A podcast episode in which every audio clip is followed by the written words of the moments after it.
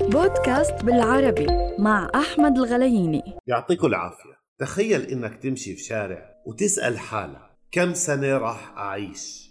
وشو بعمل بأوقات حياتي؟ وهاي الحياة شو هدفي منها؟ وليش أنا عايش؟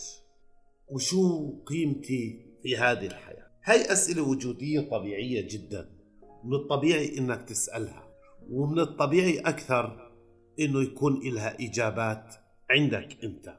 فإما الإجابة بتكون إنه أنا والله عايش علشان أطور نفسي وأبني حالي وأقوي قدراتي ويكون عندي شخصية يكون إلي بصمة ووجود في هذا المجتمع وفي هاي الحياة أو إني أموت هما وأنا براقب الناس. لو عشت في حياتك 78 سنة راح تقضي منهم حوالي 26 ل 28 سنة وإنت نايم. والباقي بتوزعه على وقت العمل ولأنه إحنا أكثر شعوب لا يعترف بالتقاعد فبتلاقيه بيشتغل حتى بعد الستين.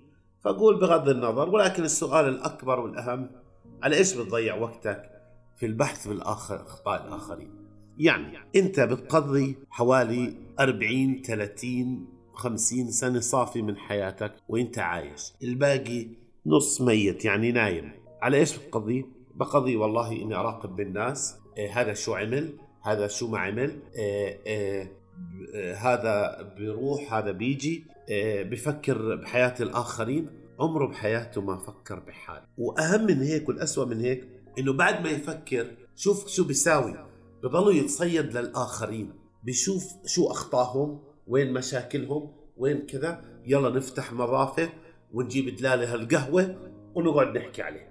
هناك أشخاص في حياتهم بضيعوا حياتهم ووقتهم بس على إنه يصنعوا مكائد للناس أو يضيعوها وهم غير مستمتعين فيها. وحتى إنه ما بيقدر إنه يفكر كيف بدي أنا اليوم أطور حالي. اليوم شو وين أغلاطي أحاول أعالجها. شو الصح؟ شو الغلط؟ عمره بحياته ما عمل هيك. بس هو عبارة عن إنسان تافه ما بيقدر يعمل إشي بحياته. الفكرة من هون وين نحكي؟ نحكي كمان عن ناس إنه بتبرر لأنفسها هزائمها وغير قادرة على إنها تكسر هذه القوقعة أو تظلها في دائرة معينة وتكتفي بحالها. حتى ما تحاول بعملها تطور حالها ما بتحاول إنها تعمل لنفسها كيان ما بتحاول إنه تعمل لنفسها إشي على الصعيد العملي ولا الحياتي فقط عايش في دوامة قوقعة معينة من البيت للشغل من الشغل للبيت ما بقعد يعمل لنفسه شيء. وهذا إشي طبيعي. لا تبرر لنفسك هزائم. هاي نصيحة. شفت منشورات فيسبوك كيف حولتنا من شعب نمطي استهلاكي لشعب منتج.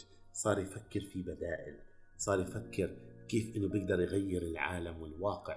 كيف يلفت النظر إلنا للشرق الأوسط بأنه إحنا مجتمعات إنتاجية وغير مستهلكة. عزيزي عمرك بحياتك عزيزي. استغل حياتك كالآن. تشتغل تمشي في الشارع تحط سماعة بإذنك وتسمع موسيقى تشرب فنجان قهوة تقعد مع أصدقائك وعائلتك تبحث عن حلول لأي مشاكل تجلس مع نفسك وتشوف نفسك وين في المستقبل.